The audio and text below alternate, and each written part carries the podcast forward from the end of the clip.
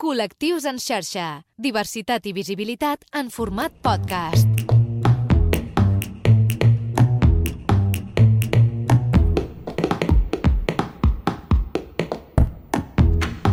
Tal? Benvinguts al Col·lectius en xarxa. Avui, ja ho veieu també en aquest episodi 113, tampoc hi és el Lluís Rodríguez Lago, el tenim recuperant-se a casa, però ja el tornarem a tenir amb nosaltres. Eh, us volem explicar un servei, descobrirem un servei que funciona a Catalunya i també a la resta de comunitats. Comptem amb diferents punts i un servei integral per informar, acompanyar i sensibilitzar persones i entitats sobre l'orientació sexual, l'expressió i la identitat de gènere i també per prevenir la LGTBI-fòbia. En aquest episodi ens proposem conèixer la feina que es fa en aquests espais i conèixer també amb ells les principals preocupacions o problemàtiques amb les que es troba la ciutadania. No ho farem només en clau negativa, que també és realista, sinó que intentarem trobar la vessant positiva, sabent tots els serveis que ofereixen i també els que ens podem acollir. Avui, al Col·lectius en xarxa, xarxa SAI. Comença el Col·lectius en xarxa amb Lluís Rodríguez Lago i Manel Ferrer. I per parlar d'aquest eh, projecte, d'aquest servei que s'ofereix en eh, molts municipis, eh, també a nivell autonòmic, ens acompanya el Joshua Tena. Ell és tècnic LGTBI a l'Ajuntament de Premià de Mar i també responsable del servei SAI a Premià de Mar. Com estàs? Benvingut. Gràcies, molt bé. Gràcies per acompanyar-nos. Nosaltres hem fet una petita definició de què és el servei SAI. Explica'ns tu, què és el que hi feu en aquest servei? Vale, ja ho has explicat bé tu, Manel. Mm. Mm. El SAI és el Servei d'Atenció Integral a Persones LGTB i llavors bàsicament té com dues, dues potes. Una és, sí, jo crec una mica que totes les persones que pertanyem al col·lectiu Mm. mm. LGTB, segons la definició del servei, som susceptibles de ser ateses per aquest servei. La realitat és que no tothom que és LGTB eh, acut al servei, no? Però una de les definicions del servei és acompanyar, és un espai psicosocial i és Mhm. acompanyar a persones que han patit un episodi de discriminació LGTBI-fòbica o que estan en risc de patir-ho. Això és la part no, que jo Mhm. una mica penso, pues totes estem Totalment, sí, en sí. risc de patir violència i també és un servei per acompanyament als familiars o persones properes al, al voltant d'aquesta persona. Uh -huh. També pretén ser eh, un, un punt com per formar, pues, no? jo estic aquí a l'Ajuntament de Premià de Mar, pues, a les persones de la casa o altres persones, mestres uh. -huh. o d'entitats públiques que, que tinguin la sensibilitat o que, que vulguin formar-se sobre la prevenció de les violències LGTB-fòbiques i, per últim, pretén també ser eh, com un espai de referència LGTB a Mhm. nivell més pues, de coses de- d'oci i cultura. D'acord, de fet és un camp eh, molt ampli, no? Uh, parlava justament del col·lectiu, però al final un, el concepte clau és que tothom forma part del col·lectiu, no? De manera activa o de manera no activa, però tothom forma part de tot aquest ecosistema, no? I per això és important el que deies tu, la formació i la sensibilitat que ha de tenir tothom, no? En el seu àmbit de treball, en el seu àmbit social, no? Sí, perquè penso que, que, que jo crec que hi ha coses que són, que ens són desconegudes a totes, no? Jo ara fa Mhm. poc, per exemple, vaig estar fent un curs eh, que era d'acompanyament a persones trans des dels serveis de salut i em va sorprendre l'obvietat que eh, en aquest curs donava la informació que a partir de, de, de la llei 11-2014 de prevenció de la LGTB-fòbia està recollit per llei Mhm. que eh, les persones LGTB no podem ser discriminades per raó, per exemple, d'expressió de gènere, que està perfecte que existeixi, no? però a vegades passa això de que les lleis van per una banda i la realitat Mhm. social és una altra, no? perquè jo crec que en, quals, en qualsevol feina pues, un, un, un home biològic amb una expressió de gènere Sí. més femenina pues, ja veuríem si desperta mirades o tal, però trobo que, Mhm. pues, que és un encert que això existeixi, no? I des dels diferents serveis, pues, com són els instituts o qualsevol servei públic, clar, les persones LGTB Mhm. existim i, per tant, pues, tothom hauria de tenir una mica de sensibilitat envers això. Exacte. De fet, eh, això encara, Joshua, és una mica amb, amb la llibertat de cadascú, no? Perquè en ningú lloc t'obliguen a tenir aquest tipus de, de formació. És a dir, quan tu estudies una carrera, doncs hi ha un seguit de coneixements, però encara justament aquest coneixement no? de les identitats i de la llibertat de les persones encara no és obligatori conèixer-ho, no? I que la gent ho treballi. És la, la voluntat que tu tinguis de poder-ho conèixer i de voler aprendre, no? Clar, però això és, és, bueno, és, una, és una arma de doble filo, no? Perquè Clar. jo, per exemple, eh, eh, jo sóc educador social de Mhm. formació i terapeuta gestal i vaig fer un postgrau en gènere i LGTB l'any passat i he treballat molts anys en el context de CRAE, en el context residencial. Pues allà es veia, es veia molt, la veritat, de que al final els educadors i les educadores, qui té més sensibilitat envers la grassofòbia, eh, s'hi posa més en els conflictes Clar. que tenen a veure amb això, o amb el masclisme, o amb la violència cap a les persones LGTB, però això a mi a vegades em, em neguiteja, no? perquè no hauria de ser així. Clar. I ja, però jo, en aquesta feina ara, amb el temps que, que porto, que aquí em va incorporar a finals de novembre, Mhm. estic descobrint moltes coses i, per exemple, hi ha tota una guia bastant extensa de cara a les escoles de tractament i prevenció del bullying. Vull dir, coses hi ha, vull dir, hi ha, hi ha, hi ha tota una sèrie de, de documents de desplegament. Jo crec que a Catalunya som especialistes en normativitzar tot i si vas a buscar la informació, la informació hi és, hi ha, hi ha els recursos, hi ha d'haver la voluntat. Clar, també. de fet, eh, jo has tingut la sort gairebé de, de començar des del principi no? aquest servei SAI i també el creixement que s'està fent a, a Premià de Mar. També suposo que per tu com a educador és important no? veure créixer el projecte gairebé de, de zero, no? Home, és guai, és, és tot un repte, perquè eh, també hi ha moments com de molta incertesa, perquè això suposa desplegar polítiques públiques de- de- d'igualtat i de prevenció de la violència envers el col·lectiu, i a vegades és la sensació de que eh, això com ho hem de fer, no? Però bueno, ens anem buscant la vida, i, i ara ha sortit la cartera de serveis de la, de la Diputació, ha assessoraments, ha els plans locals per com fer un pla local LGTB, i sí, jo penso que és guai, que és un encert, perquè d'on venim, el SAI fa uns anys que existeix, mm -hmm. poder 3-4 anys, i la realitat, el que jo m'he trobat i tal, és que fins ara mm, eh, eh, a la a la majoria d'ajuntaments eren com poquetes hores, no? Potser amb un servei externalitzat, que potser eren dues hores a la setmana cada 15 dies, i que treballava una mica només com sota demanda, no?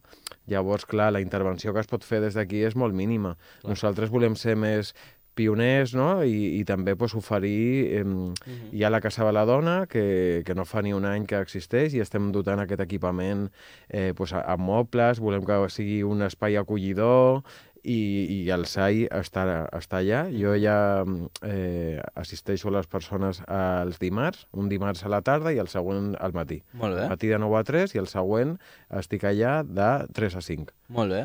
I, i la idea doncs, és poder com engrescar més coses d'acció comunitària, no? I en aquest sentit estem superoberts de que si, bueno, qualsevol persona d'aquí, en aquest cas de Premià, l'email és sai.lgtbi.premiadamar.cat i, i estem oberts a propostes i a poder fer, no? pues ens agradaria molt, per exemple, fer un curs, uh, un, un espai de lectura feminista i LGTB, o fer un taller de cinema, vull dir que Mhm. volem que sigui una cosa viva al servei de la ciutadania, pues això, per treballar la prevenció i... Molt bé. Jo el, el servei SAI o la xarxa SAI, com bé diu el seu nom, és una xarxa que uh, uneix també i connecta a la resta de municipis, no? És a dir, és un conjunt no, de municipis que entenc que des de la Generalitat o des de la Conselleria uh, dona serveis a tots aquests municipis, no? O sigui, és la suma també de, de tot el mapa, no?, català. Sí, actualment jo crec que hi ha com 102 SAIs a tota Catalunya. No? Nosaltres aquí pertanyem al Maresme i, per exemple, doncs a Mataró ja fa uns anys jo m'he coordinat amb, amb la tècnica SAI de Mataró, que és la Patrícia, i allà ja fa uns anys que estan, com des del 2018. Al Masnou, la tècnica Marta, molt maca també, doncs també ja fa un temps que estan. Aviat tenim una trobada eh, online doncs, a tots els tècnics SAI. També, bueno, estem tenint alguna proposta o idees perquè al final eh, també no, Premià de Mar aquí no hi ha un gran una cosa històrica de... no hi ha entitats LGTB, mm. hi havia una que es diuen Queers Tropicals, Sí. que penso que estan en desús. Jo els he contactat un parell de vegades i no m'han respost. Si, si esteu vius, sisplau, doneu senyal Manifesteu-vos, sí. de vida. I, I al final, eh, Premià, com que està molt a prop de Barcelona, pues, la gent jo crec que revisant el, el pla comarcal LGTB que, és, Mhm. que s'ha fet del 2022 al 25, una mica les informacions que recull el pla, que van fer tot un estudi de la situació LGTB a la comarca, és que com que Premià està a mitja hora de Barcelona, pues la gent tampoc, no? M'imagino que Clar. això és un poble, Mhm. eh, bueno, els armaris, aquestes coses, i la gent quan vol fer vida d'oci o una vida més cultural dintre de lo que és LGTB, pues se'n va a Barcelona. Mhm. Però també volem ser pues, un punt de referència, vull dir que estem super obertes a fer coses. Som tan diversos com la quantitat de colors que poden existir i els que encara desconeixem. Ens parlava, Josuà, del teixit associatiu de les entitats eh, que hi ha a Premià de Mar, que deies que són molt escasses, no? és eh, molt petit, però entenc que també la cultura i l'associacionisme no? és molt important també per, per fer xarxa, no? entre persones, entre iguals, no? o amb gent que et pot servir inclús eh, per emmirallar-te, no? Sí, sobretot jo, ara que, no, ara que estic a aquesta banda, que treballo a l'Ajuntament, també és perquè penso com que a vegades la gent no, pues, té certes reticències cap a les institucions i jo això ho puc comprendre i trobo que és molt més, molt més interessant també no, que tant de bo eh, pues, existeixin en aquest cas una entitat LGTB i podem treballar conjuntament de dir, bueno, pues, què voleu fer, no? de quina manera podem col·laborar conjuntament, mm, si hem de dotar de pressupost alguna activitat o tal, ho mirem. Jo trobo que és que, que la nostra feina des d'aquí o la meva és com gestionar coses, però que nosaltres tampoc no volem ser els protes. Clar. Vull dir que és com trobo que és més interessant que hi hagi una demanda ciutadana, no perquè em facin la feina a mi com a tècnic SAI, sinó perquè té més sentit que sigui la pròpia gent la que genera coses. Òbviament, no? pues els, els espais de, de relació per, tot, les, per totes les persones i per les persones que pertanyem al col·lectiu pues, és important. I la idea és això aspiracional és que la gent també pugui fer teixit i xarxa i no, necess... no només s'hagin d'anar a Barcelona uh -huh. a, a, a trobar no, com aquestes bombolles, aquests espais pel col·lectiu. De fet, eh, Josso, ens parlaves ara també de, del fet de la proximitat que tenim de, de Barcelona, i és veritat que Premià de Mar està molt, molt a prop de, de Barcelona, passa en l'àrea d'igualtat, però també entenc que en moltes altres, no? Aquesta proximitat eh, que tenim amb Barcelona ens beneficia en algunes coses, però també és veritat que potser treu protagonisme al municipi moltes vegades perquè la gent doncs, fa vida a vegades fora del, del poble, no? Clar, sí, és això una mica el que parlàvem, de que al final jo crec que això, no? que té sentit, eh, o sigui que és com coherent que aquí no hi hagi molta tradició en el sentit de l'LGTB. Jo crec que fins ara no, pues l'antecessora, la, la Lídia, sí. que era la, la, la que hi havia abans que nosaltres, que era la tècnica d'igualtat, pues, el que s'ha anat treballant és pues, no, la setmana del 8 de març, que nosaltres ara, ara actualment ja l'estem preparant, sí. o la setmana del de, 28 de juny, pues, fer actes i, i tal, i que està molt bé, no? O sigui, però també nosaltres voldríem, si està molt bé, hi ha tota una pensada i una preparació al darrere d'oferir activitats per la, per la ciutadania, però també ens agradaria pues, això, no? com poder oferir una cosa més contínua, però bueno, pues, ho hem d'anar fent conjuntament, mm -hmm. també una mica en relació a, a l'èxit que anem tenim, no? Si proposem coses i la gent ve o si rebem propostes, doncs, bueno, una mica assaig i error anar fent. De fet, eh, ens parlaves d'aquests dies assenyalats al calendari, i és veritat que no per Premià de Mar, eh? però en general sembla que moltes vegades, durant molts anys, el que s'ha fet és com marcant al calendari uns dies concrets, no? i la celebració es limitava doncs, a llegir un manifest no? o a un parell d'activitats que es feien just aquell dia i ja està, no? És com, era, era com complir una mica l'expedient. Durant molts anys ha estat així a molts, a molts llocs, no? Sí, i jo personalment sempre he sigut molt crític amb això, no? que penso, passa que això, suposo, tu ja hauràs, ho hauràs pensat mm -hmm. també, és una cosa com de doble fil, no? A vegades també eh, es banalitza o s'assenyala massa aquest tipus de coses i és com, bueno, al final també, doncs, gràcies a que l'1 de desembre és el Dia Internacional en contra no? de la lluita contra l'UVIH, vull dir, gràcies a aquestes dates assenyalades també serveix per fer un desplegament d'activitats i de recursos que si no existessin les dates poder no es farien. Saltarien. Sí, Tot sí. i així, doncs, sí que sí que volem fer, bueno, pues poder fer més coses més enllà de, de fer mm -hmm. l'activitat per una setmana, no? Perquè la lluita LGTB, en contra de la LGTB-fòbia o, o el moviment per la lliberació de la dona i en contra de la violència, pues, és tot l'any, no són coses només d'un dia, òbviament. Mm -hmm. Joshua, ara que esteu gairebé començant, eh, o és la part més pública que es veu de la feina que esteu fent, no sé si també eh, us heu deixat eh, assessorar o escoltar també doncs, altres municipis que ja fa temps o més temps que, que funciona aquest servei. Sí, abans et, et comentava que jo m'he coordinat, o sigui, perquè, bueno, perquè al final no, és una mica pues, buscar-se la vida i, i, anar, i anar veient i que les, la... ara ha, ha sigut també una fase molt de fer recerca, no? Llavors, pues, per això m'he coordinat amb, amb el SAI de Mataró, amb el SAI del Maresme, o sigui, del Maresme, perdó, de, de Masnou, de, Masnou, de mirar també una mica què han fet a Mataró, que és un municipi més, mm. més gran. Per exemple, una iniciativa molt xula que, que ha sorgit d'una entitat entitat LGTB de Som, Som Mataró, sí eh, és que ells van fer un compromís amb, amb les entitats esportives eh, com en contra de la LGTB-fòbia, com quins, eh, quins compromisos assumeixen pues, les, les entitats de l'esport, no? des de gimnasos a, a equipaments municipals i així, eh, de, pues, que en casos de detectar comportaments de violència o discriminació envers les persones del col·lectiu, pues, rebutjar-ho, iniciar eh, un procés de denúncia o el que sigui, i els equipaments que s'adscrivien a aquesta campanya eh, col·locaven una enganxina al seu d'allò, no? Pues això està molt bé, per exemple. Pues, Col·lectius en xarxa. Segueix-nos a les xarxes socials i a les principals plataformes de podcast.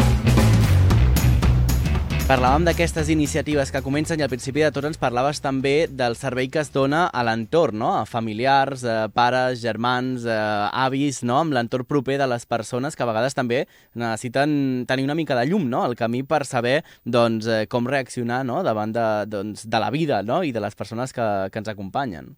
clar. Bueno, sobretot jo, no, ara pensava, agra agraeixo la possibilitat d'estar aquí, perquè per començar, en el sentit de que és molt difícil que, que et puguis adreçar un servei que no, Mhm. que no saps que existeix. Això per començar, no? I penso, jo vaig, vaig conèixer que existia el SAI fa dos o tres anys, però per començar, les famílies o les persones, si no saben que existeix el servei, i en aquest sentit penso que és important remarcar que pues, això, no? Premià de Mar ho té, però als municipis de propers del Maresme, cada municipi té també un servei SAI, i si no, hi ha el SAI comarcal que atén els petits municipis.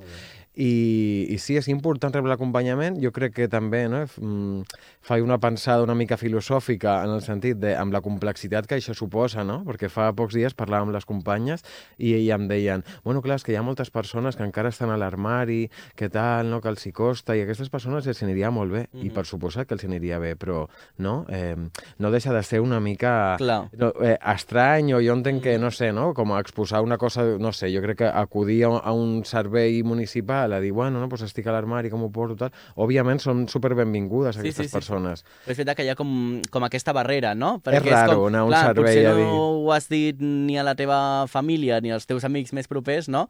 I li aniràs a explicar al Josso que encara el coneixes menys, no? És a dir, que encara potser cal eh, buscar la manera per travessar aquesta barrera d'una manera potser més, més natural, no? En aquest sentit, jo crec que està, està bé eh, explicar això, el que està a l'email. Jo Mhm. tinc un telèfon de servei, també. Molt que bé, el vols, si el vols dir, el, el telèfon Sí, te'l saps el- o, el podem, o el- el podem cercar. El podem cercar, que treballo a, a partir del WhatsApp web. Uh -huh. Però sobretot aquest, aquest servei d'acompanyament, jo penso que a les famílies, no? Pues, per exemple, jo l'any passat treballava aquí a serveis socials, vaig estar un any i ara pues, estic com a tècnic SAI. I en els quatre mesos que vaig deixar d'estar, no? entre que va acabar el de serveis socials, es veu que vam rebre eh, dos demandes de famílies de primària, diria, eh, que tenien fills eh, LGTB i que, bueno, que no sabien molt bé com acompanyar-ho, això però no, no és que hi hagi una gran demanda, però no sé, penso sobretot doncs, les persones trans o les famílies de les persones trans. En aquest sentit, doncs, és important, per exemple, vull, vull donar a conèixer que existeix un servei, un servei des del SOC que es diu SOC Trans, Mhm. que és un acompanyament a les persones trans perquè les estadístiques i tal demostren que el 80% de les dones trans mm, tenen dificultats, no accedeixen Mhm. a, a, a la feina. Eh, important també remarcar que existeix el servei trànsit i que mm, des de fa pocs anys hi ha una unitat aquí a Badalona, que és per les persones trans que volen iniciar doncs, un procés de transició. Trobo que és superimportant també recalcant aquí que a partir de, de la nova llei trans i de la del 2014 Sí. ha canviat el model i és molt més respectuós envers la, les persones trans, mm, en el sentit de que no han de, de, no han de demostrar lo trans que són, no? perquè això és com que no forma part d'u- d'un examen, com sí que havia estat en el passat, i que el ritme ho marca cada persona i si ho necessita i ho vol, doncs pot rebre el tractament dels els bloquejadors de testosterona, els estrògens, tal. I en aquest sentit doncs, penso que pues que el servei mm, jo crec que està també molt per això, per acompanyar pues, les, les famílies de persones LGTB que potser, pues, no sé, són més tancades i les persones trans que poder necessiten més acompanyament que altres del Molt bé. col·lectiu. Tenies aquest eh, número que ens has dit eh, Eh, sí. per contactar-hi a través de WhatsApp? Mira, el telèfon és 607 588 028. Molt bé, doncs aquest és el telèfon que potser a vegades és més fàcil a través d'un missatge, WhatsApp, no? sí. Eh, que no pas eh, potser Venir a amb un veu o venir al servei directament, no? Um, però malgrat tot, si algú ho fa, eh, quins serveis els hi pot donar aquesta persona, que aquesta atenció directa, eh, amb, amb què els podeu assessorar o amb què els podeu acompanyar? Bueno, una mica anar veient com cas per cas, no? No és, no és un servei de teràpia com a Mm. tal, és un servei d'acompanyament psicosocial. Llavors té unes sessions eh, estipulades, que serien un màxim de set sessions per persona, però tot depèn perquè no, no, no tothom que s'ha d'adreçar al servei té perquè necessita set sessions. Clar, jo en el, en el meu cas doncs, tinc la sort que he estat treballant un any a serveis socials i llavors, doncs, mira, de moment, la, fa poc vaig fer una, una atenció amb una persona i,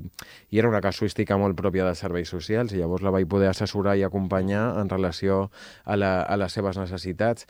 Eh, el, nosaltres, des d'aquí com a tal, no disposem de servei jurídic, però sí que tenim un servei jurídic del SAI central que, si és necessari, en podem fer ús. És important recalcar que des del SAI es tramita el canvi de nom de la tarja sanitària D'acord? de, per, per les persones trans, pel sexe sentit. I després, doncs, bueno, més aviat és poder fer això, un acompanyament psicosocial d'una persona de, doncs, no sé, soc LGTB i se'm fa nosa o no sé com, no sé, no? No sé Mhm. com dir-ho a la meva família o, o una mica anar a veure quina és la, la, la història que té muntada aquesta persona, a les famílies i sobretot doncs, això que comentàvem abans també, algú que hagi patit un, un episodi de de LGTB-fòbia, doncs fer un acompanyament des del SAI eh, es recull per fer una denúncia administrativa Mhm. i en el cas que la persona ho requereixi, doncs se, se la pot acompanyar, o sigui, jo la podria acompanyar a interposar una denúncia per, per lo penal. Uh -huh. És a dir, que és un servei molt, molt complet. Ens parlaves també de la experiència a, a serveis eh, socials. No sé si, fent també la suma, no sé si encara hi ha moltes barreres eh, culturals eh, i també de la procedència de la persona. No sé si hi ha cultures que potser doncs, són encara més restrictives eh, que, les, que les nostres, o, o, o no, això no us hi trobeu tant. Jo penso que sí, sí que, jo sí que m'ho vaig trobar en un cas en concret a, a serveis socials. A mi, sí, el que passa que trobo que és una mica injust no? Mm. parlar de, de, de cultura, sinó parlar de persones, no? perquè jo segueixo a l'Instagram, per exemple, la Mhm. Afropoderosa, Sí. és una dona negra i té un discurs superobert Mhm. eh, envers lo queer, i amb, no? que a vegades es tractem injustament a, a, a altres cultures. Però sí, clar, jo no sé, jo el, el, el meu parer professional i personal és que penso que hi ha un punt eh, que la identitat cultural de cadascuna és important, però també les lleis són importants i vivim en un estat de dret i, i llavors per mi hi ha coses que hem, hem de fer un treball quan ens trobem amb aquestes dificultats, no? Eh, no sé, penso en un cas de- d'una mare de, de, de cultura musulmana que tenia un fill possiblement trans i se li feia molt de nosa, no? I jo penso que la vaig poder acompanyar molt bé, aquesta mare, com de dir, mira, esto es lo que hay, Mhm. i si el teu fill pues, és trans, ho és, i l'hauràs de poder acompanyar, i això tampoc no és una cosa que un tria a voluntat, etc etc. Se'n van sortir per això, Josu, en aquest Bueno, li cas? costava molt, en aquest cas, a aquesta mare li costava molt assumir que potser tenia un fill trans. També amb això, no? jo crec que, pues, que és un procés també, que, i que la, les mares o les famílies, pues, hi ha gent que té un marge no? per deconstruir-se, i hi ha gent que sí, hi ha gent que no, i amb el que, i amb el que tenim treballem, no? però, igual, però el que sí que òbviament queda molt clar és que el discurs des de la institució és en pro de la dignitat de les persones, i és com, bueno, pues, si tu, el teu fill és trans, ho és, i si a tu se't fa nosa, Mhm. però bueno, en, en, a, al voltant d'això recomano molt, no sé si tu ho vas veure, Manel, el Sí. programa que van fer a TV3, el de Dones entre dos mons, Sí, uh -huh. de sobre la, la relació entre les Mhm. noies eh, d'origen no? o de cultura musulmana i les seves llibertats i com tot això, bueno, hi ha, hi ha un què amb algunes cultures, o jo voldria dir més aviat persones. Mm -hmm. Segurament, eh, que tot va lligat justament amb les persones, no tant amb les cultures, no? perquè al final aquestes cultures eh, també es poden adaptar, es poden moure no? i es poden transformar al final. No? És a dir, que al final també és una mica la feina que fas també com a, com a persona no? I, i, i de, i de l'acompanyament que tens també del, del teu entorn. No? dels referents, Dels no? referents, De, en mhm. això. Jo celebro molt eh, que, que actualment estem, crec que estem assistint, és veritat que just ahir ho parlava amb, amb la meva parella, Mhm. de que no sé al final, eh, vull dir, de que, lo, per exemple, l'Utrans crec que està sent molt més, més sonat també a nivell dels medis audiovisuals, no? Hem Mhm. tingut la sèrie Bela Veneno, eh, la pel·lícula que està recent de Te estoy amando locamente, Mhm. ara... Vestides Ve- azul, Vestides també, de azul, sí. que surt Mhm. ara Tu creus que al final som les persones del col·lectiu les que només acabem sent consumidores de- d'això o arriba justament una cosa passa, més a, a Justament eh, n'hem parlat també alguna vegada que hem parlat també de produccions eh, televisives i cinematogràfiques aquí en el, en el programa i em sembla que al final eh, es crea com, com un nicho molt concret, no? És a dir, que al final qui anem a buscar aquest producte acostuma a ser gent del col·lectiu i també per com es ven el producte, no? Per exemple, La Veneno és una sèrie que està molt ben feta, però primer es va emetre a través d'una plataforma tancada. Ara Les Vestides Azul també està a través d'una plataforma tancada. Mm, Hi ha molts productes que l'has d'anar a buscar perquè no es fan obert encara, no? I no sé si potser és perquè encara les televisions creuen que no és un tema que pugui interessar al públic eh, genèric, encara que després guanyin moltíssims premis aquestes sèries o aquestes pel·lícules, eh, però encara trobo que mm, no es va per la via directa, no? I, I això també fa que molta gent, per exemple, no ho sé, la meva àvia no veurà mai segurament la Veneno perquè no es eh, farà usuària de 3 player i buscava una plataforma i es una aplicació, no? O sigui, trobo que encara no està obert al, al gran públic. És una pena perquè són productes molt, molt bons, no? Clar, sí, jo, bueno, jo celebro molt que, que existeixin perquè al final Uh -huh. sí, necessitem tenir referents, no? I, Oh, i tant, i sí, també sí. tenim una mica dret a, a veure'ns a, Oh, tant, a, la- a oh, les tant. pel·lícules sí, i a les ara, sèries. mira, ara justament anem a escoltar una, una veu per fer una reflexió també sobre, sobre això. Col·lectius en xarxa. Ja disponible a la plataforma La Xarxa Més. I justament ens deies, és veritat, que ens hem de veure també reflectits no? en aquestes sèries o en aquestes eh, pel·lícules, però no sé si encara, Joshua, en, ens falta sortir de la casella inicial, no? És a dir, surt un noi gay per fer de noi gay a la sèrie. O sigui, falta que encara el personatge es desenvolupi molt més que la seva condició sexual, no? Perquè al final sembla que és com un grup de nois i dels 5 o 6 hi ha un que és gay i, i li agrada pues, un hetero de la sèrie, no? O sigui, sembla que encara falta que això no es digui i que anem directament a, a la història del personatge, no? És a dir, que no sigui l'anècdota, sinó Clar. que el personatge se desenvolupi per la seva feina o per la seva, no ho sé, per, per la seva activitat, no? No només perquè l'anècdota de la sèrie sigui que surten dues lesbianes que fan de lesbianes, que això és una mica és com que s'encasella el personatge, no? Sí, jo crec que sí que s'estan com aconseguint pet- petites millores en això, no? Mhm, De fet, eh, ahir, ahir ho parlava amb la Núria de la biblioteca, i jo quan era adolescent, pues, a l'estiu m'agradava llegir una novel·la LGTB i tal, i mira, era molt compromès perquè m'agafava el bus i anava a la biblioteca de no sé on, a agafar la novel·la i tal, i vaig desistir d'això perquè la majoria de novel·les d'estiu LGTB era el drama de ser L LGTB, i pensava, Mhm. hòstia, que pesadilla, no? Això no és l'epicentre de la vida de, de ningú. Però amb les sèries jo crec que, per començar, tenim més espais de representació, no? No sé si recordes que el Fran de la jungla aquest Sí, es va sí, emprenyar molt sí. perquè deia que a cada sèrie de Netflix hi ha d'haver Mhm. un personatge LGTB i és com, bueno, el lema de la FEL, de la Federació Estatal, Sí. tal, fa uns anys era existimos, luego te jodes. Exacte. És com si a Fran de la jungla no le gusta... Mala pues, sort. Pues mala sort. I no sé, per exemple, pensava en la sèrie aquesta de 13 Reasons Why, Mhm. eh, jo vaig veure la primera temporada només. Hi ha un personatge, un noi gay, i, i, i la temàtica no és que el noi sigui gay, Mhm. sinó la relació que té amb el prota, tal, no? Jo crec que a poc a poc sí que anem sortint una mica més d'aquí, i I si que ens han ajudat no... també les plataformes, l'arribada de plataformes, perquè si no per televisió convencional segurament no tindríem aquestes sèries, no? És a dir, Clar. que nosaltres mateixos haguem anat a buscar produccions que inclús es fan fora d'Espanya, no? Que això és molt interessant. També la- l'obertura que ens han donat les, no sé, Amazon, eh, Prime Video, Netflix, eh, HBO, qualsevol d'aquestes. Sí, jo sí que crec que la societat també avança i que és mutu, no? O sigui, que crec que pràcticament en qualsevol sèrie Mhm. hi ha alguna persona LGTB i la manera com es tracta o tal, pues sí que és amb, amb, amb una mirada més de, de normalització.